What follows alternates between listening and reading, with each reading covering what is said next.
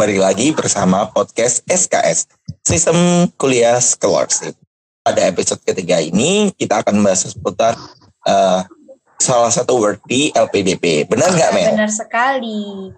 Eh Bas, kayaknya aku pengen nanya deh. Di tahun 2019, beasiswa LPDP banyak banget nggak sih variannya? Betul, betul banget. Setahumu emang ada apa?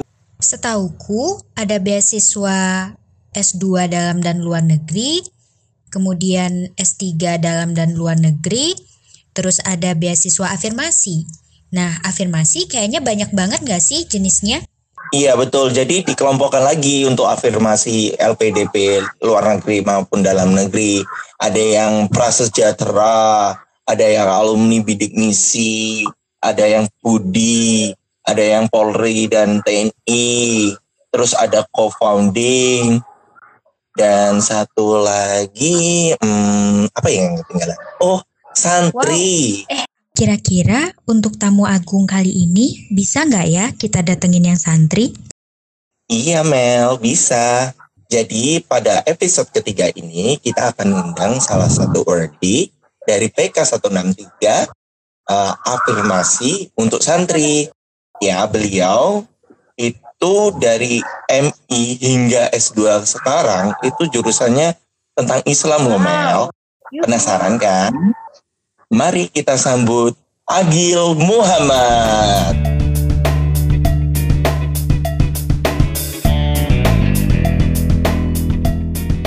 Jreng jreng jreng.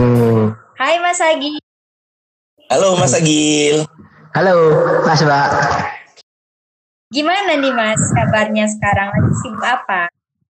Oh, uh, sibuk kuliah aja Mbak. Sibuk kuliah sama ya ngilangin stres aja kayak nongkrong-nongkrong dikit. Wih. Sama teman sekamar, sebelah kamar aja. Oke. Okay. Aku nih penasaran sebenarnya. Mas Agil kan seorang santri.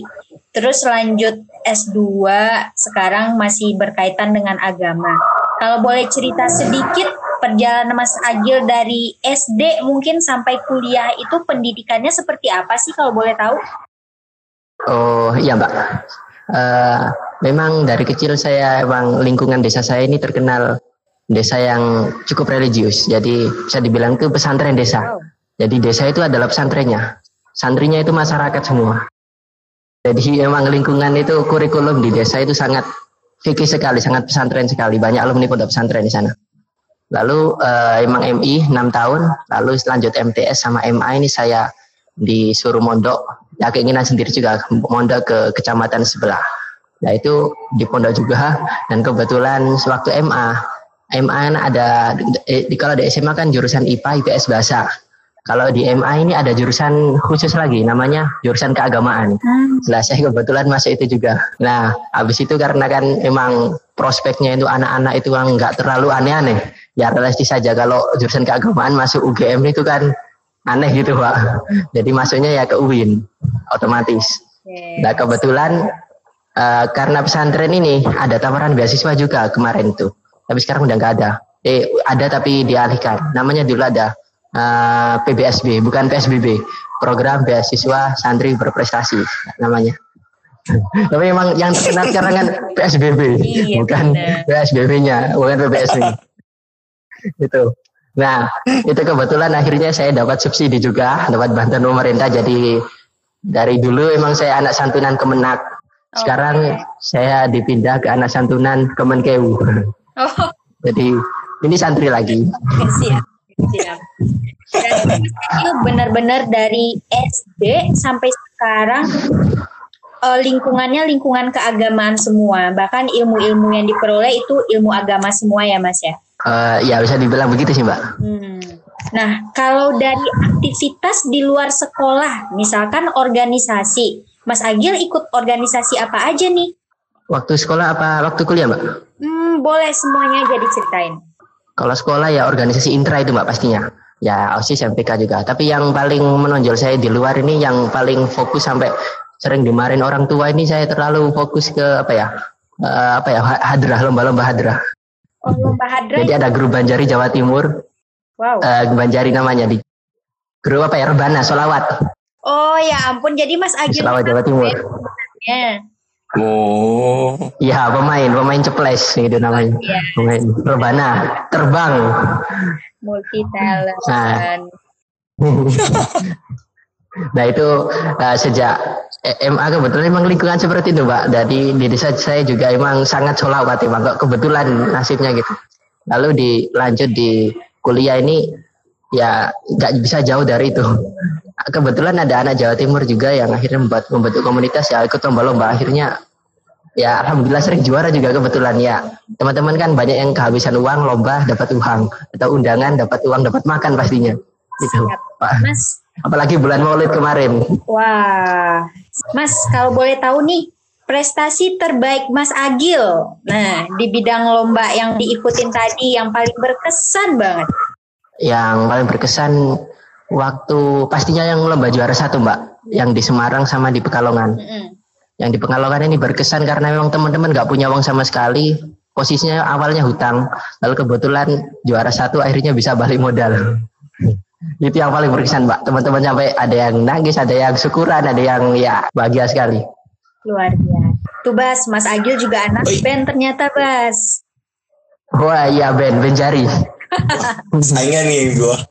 Bas, kamu pengen nanya nggak? Iya dong, pasti.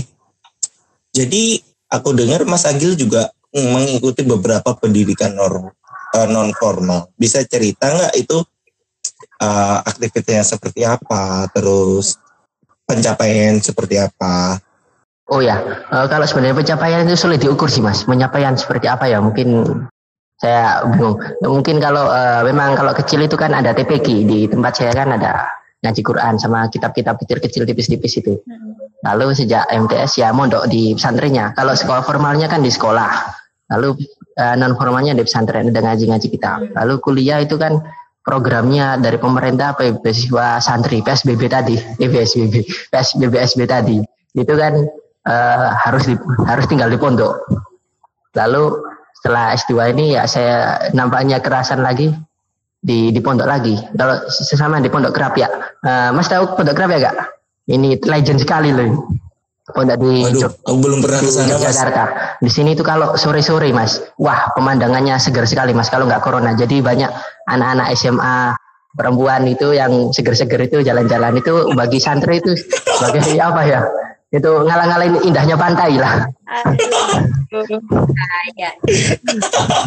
Mas dosa mas, matanya dijaga loh. Nggak kan nggak nggak ada niatan itu mas, yang lewat saja kebetulan gitu. Lah, Mas Agil, Mas Agil.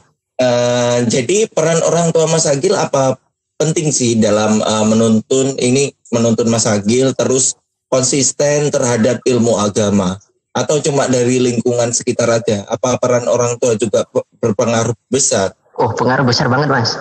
Yang pasti itu mendukung, membebaskan dan mendoakan pastinya.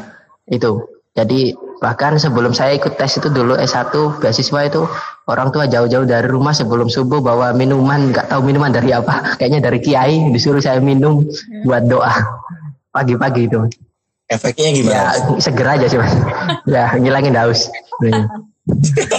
Aduh, ini topiknya. kan adem pagi-pagi kan minumnya adem Oke, oke.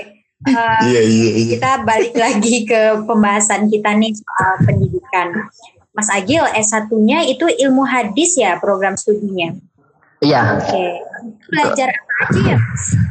eh, belajar semua segala sesuatu segala sesuatu tentang hadis mbak Hmm. Jadi hadis itu kan sangat sangat unik ya. Ya berbeda dengan Al-Quran meskipun sangat saling melengkapi tapi berbeda. Ke- Kesulitannya itu kalau Al-Quran itu kan pasti. Ya secara teologis itu kita meyakini bahwa itu adalah kebenaran. Maksudnya itu benar kalau ini dari Tuhan. Nah kalau hadis ini beda mbak ada problematik.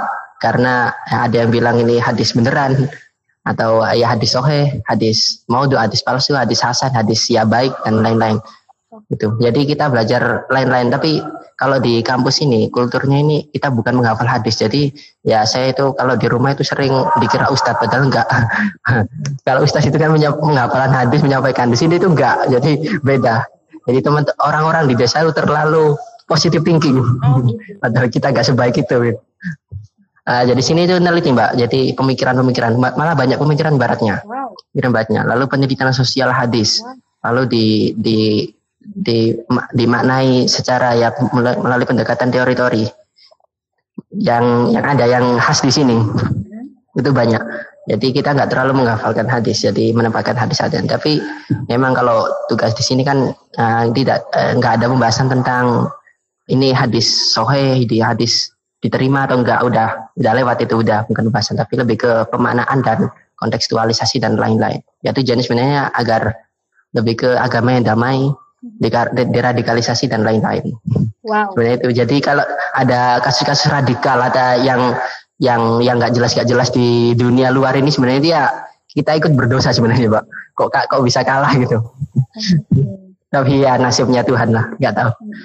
Wow, ini jujur ya Mas Agil, uh, ini sesuatu yang baru buat aku pribadi sebenarnya ternyata belajar tentang ilmu hadis itu sudut pandangnya terus perspektifnya pendekatannya itu macam-macam banget. Nah uh, Mas Agil ya, lumayan. Uh, lanjut S2 dan program studinya Islam Nusantara.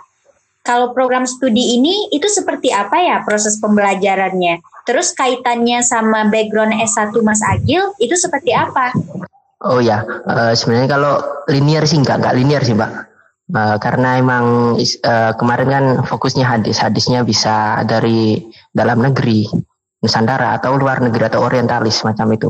Tapi kalau di kalau Islam Nusantara itu segala ilmu lebih, ke multidisiplin. Jadi jadi sejarah masuk, antropologi masuk, sosiologi masuk, lalu apa ya kayak manuskrip naskah-naskah masuk, pemikiran Nusantara. Yang penting Nusantara semua dan ya emang ini unik sekali mu. Uh, yang menurut saya sih menarik karena sangat untuk uh, ilmu kan bagi saya ini kan nggak untuk diri sendiri. Ya pasti untuk diri sendiri juga tapi lebih untuk masyarakat. Dan ilmu ini itu lebih banyak manfaatnya di masyarakat saya lihatnya seperti itu. Karena yang kita baca itu fenomena langsung di masyarakat. Dan uh, kalau hubungan sama S1 dulu ya nggak terlalu hubungan sih mbak. Nggak terlalu ada hubungan latar belakang Mas Agil yang sangat konsisten di bidang keagamaan dari TK, SD sampai sekarang terus punya background S1, S2 yang juga kaya sekali dengan ilmu-ilmu Islamnya. Hmm, aku sih apa ya? Uh, salut sih, salut dan takut sama perjalanan Mas Agil. Bas, kepo nggak yeah. sih tentang kok bisa seorang Agil dapat LPDP gitu, pindah dari apa anak asuhnya Kementerian Agama ke Kemenkeu katanya.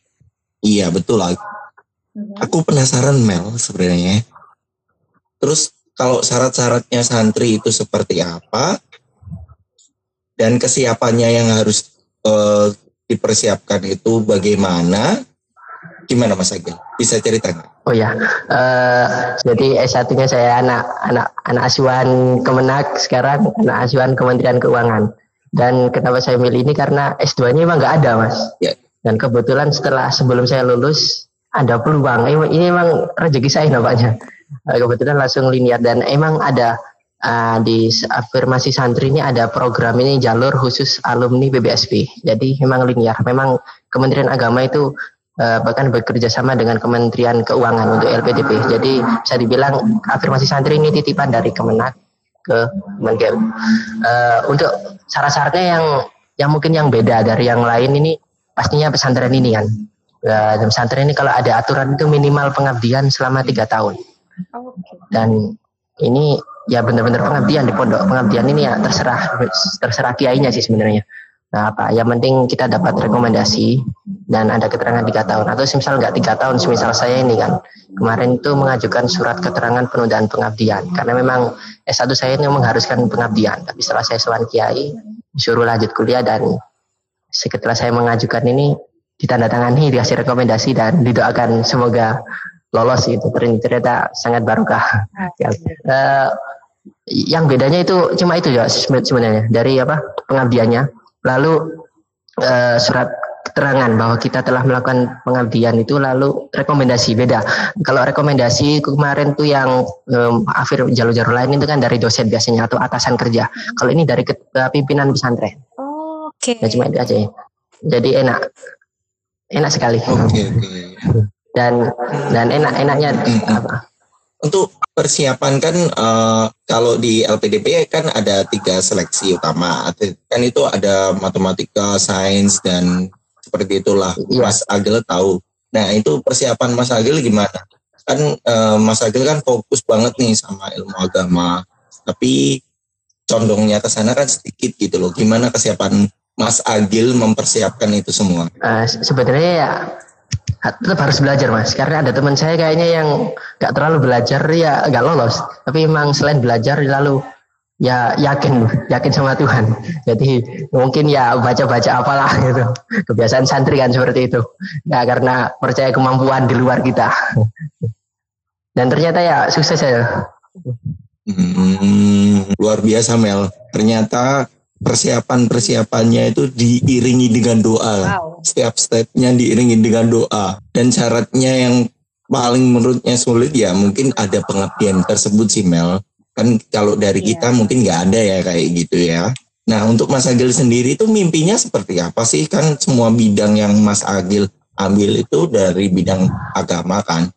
Mas Agil itu mimpinya seperti apa? Kalau impian sih ya sebenarnya ya sederhana sih saya ingin mendidik masyarakat menjadi kalau bisa lebih baik. Kalau bisa yang penting yang penting saya mengamalkan ilmu saya mendidik masyarakat ya membuat mereka kalau bisa lebih baik. Kalau bisa, kalau nggak bisa ya pasrah Tuhan. Ya Tuhan yang membaikkan mereka. Itu aja sih. Dan sebenarnya itu ya juga gak, gak gampang sih ya, sulit juga. Kita menempatkan posisi di masyarakat, jadi gak harus jadi kiai. Kalau kiai kan ada posisi sendiri ya, kalau ini pesantren yang salah-salah. Jadi kita itu mungkin ambil posisi yang lain, yang ngisi kekosongan itu aja. Mulia sekali. Wow, mulia. Mulia sekali cita-cita Mas Agil. Ya karena cita-cita dokter kan nggak mungkin, Mbak. Iya. Oh, iya, iya. Ya, biasa. Juga, mas. Apalagi polisi tentara ya. Iya. ya realistis aja lah, Pak. uh, Mas Agil nanti podcast ini akan kita share ke sebanyak sebanyak mungkin orang dengan harapan uh, mereka terketuk nih pintu hatinya buat sekolah dan kemudian mengabdi atau yang mungkin masih nggak tahu gimana cara sekolah insya Allah dengan cerita dari teman-teman itu mereka akan paham dan melihat peluang ke depannya. Nah, Mas Agil sendiri sebagai salah satu role model santri di tempat Mas Agil dan atau mungkin di Indonesia nih, ada advice nggak sih buat para santri terkait khususnya mereka ikut seleksi LPDP ini? Macam motivasi mungkin? Oh ya, uh, motivasi motivasi sederhana sih sebenarnya.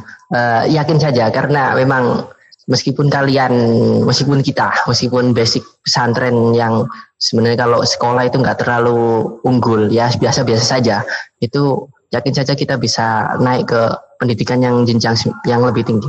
Ya, banyak juga santri yang lanjut ke yang nggak jurusan keagamaan, yang kedokteran yang jalur hukum juga banyak. Itu yakin saja. Dan memang khas santri itu kan tetap minta barokah kiai, minta doa kiai. Dan kita harus yakin saja dan yakin dan kalau ketika berdoa kepada Tuhan urusan seperti ini ya urusan yang nggak gending seperti ini itu saran saya itu doa seperti ini uh, ya Tuhan uh, terserah engkau ya itu aja. Karena kalau kita menuntut yang apa-apa karena kan nggak segala keinginan kita itu bagus. Sebenarnya bagus bagi kita. Karena semisal kita gagal pun LPDP itu belum tentu uh, gagal dalam hidup kita. Jadi kita yang penting kita usaha yakin hasilnya terserah kepada Tuhan. Ya itu mungkin khasnya itu mungkin. Menurut Mas Anggil uh, kuliah di bidang agama proses kerjanya apa cukup jadi uh, ya ini ini kesalahan lagi nih mas. Sebenarnya itu nggak ada prospek ustadz ini. Nah ini masyarakat itu terlalu apa ya husnudon terlalu berbaik sangka kepada kita. Mas kita itu bukan posisi ustadz. iya bantu lurus podcast ini sekalian mas. Gimana tuh? Oh ya Uh, kalau yang saya studi agama khususnya seperti yang di kampus Universitas Islam Negeri khususnya Winston Kalijaga ini. Uh, lebih mencetak uh, kita sebagai peneliti agama jadi sebagai pengamat peneliti jadi orang yang melihat dari dari melihat membaca fenomena bukan sebagai pelaku. Kalau pelaku itu kiai. Dan kalau jadi kiai itu mending lebih baik itu mondok-mondok salaf sekalian yang pasti kayak Lirboyo kayak Sarang dan lain-lain. Kayak mencetak gus-gus baru itu jadi kalau posisi kita sebagai uh, akademinya nggak terlalu bisa. Kitab-kitab yang klasik-klasik seperti ini memang bukan bidang kita. Nah, kita sebagai pengamat dan uh, saling mengimbangi. Jadi ada posisi sebagai salaf ada yang agak-agak apa ya kontemporer kontemporer dikit gitu. Nah dan tetap tujuan utama menyebarkan agama yang rahmat yang moderat dan lain-lain. Mengurangi ya deradikalisasi lah biar agama lebih tenang kira-kira seperti itu oke jadi peneliti ya Mas Agil pengamat pemediasi ya, meskipun nanti akhirnya di masyarakat ternyata Gimana, jadi ya? orang beneran ya yang nggak apa terima aja wah Mas Agil nih diam-diam inspiratif ternyata Bas kalau yang aku dapat sih mm, dari betul. cerita Mas Agil tadi bahwa uh, apa pun harus diiringin sama doa sih. Apalagi doa orang-orang yang mustajab kali ya, kayak doa orang tua atau para guru kita. Insya Allah itu akan membawa dampak baik dan jika cita-cita yang kita harapkan memang baik dan bisa membawa manfaat untuk agama, masyarakat, dan negara, insya Allah jalannya dimudahkan ya Mas Agil ya. Insya Allah, Pak. Yakin saja. Kalau kamu apa, Bas? Iya, betul. Kalau dari aku, uh, keyakinan yang teguh dengan impian ini yang kita tuju, Mel. Jadi misalnya kita yakin apa yang kita yakini, aku harus bisa S2. Kita pikirkan. Nah, kita pikirkan dengan dibarengkan usaha yang sungguh-sungguh. Insya Allah bakal itu menjadi jalan kita gitu loh. Tapi kita nggak menutup kemungkinan uh, ngambil opsi-opsi yang lain. Tapi yakinin dulu apa yang kita yakinin Luar itu. biasa. Wah ini udah banyak hal yang kita tanyakan ke Mas Agil ya. Seru banget. Kita jadi terbuka was-wasanya terkait ilmu agama, terus apa itu LPDP santri, terus persiapannya, prasyaratnya, tantangannya, terus prospeknya ke depan. Betul banget. Mungkin kita udah di ujung acara jadi teman-teman uh, kita sedikit membagi informasi tentang LPDP santri. Demikianlah podcast ketiga kali ini pantengin terus podcast SKS Sistem Kuliah Scholarship karena setiap orang punya kesempatan untuk sekolah tinggi. Sampai jumpa di episode keempat.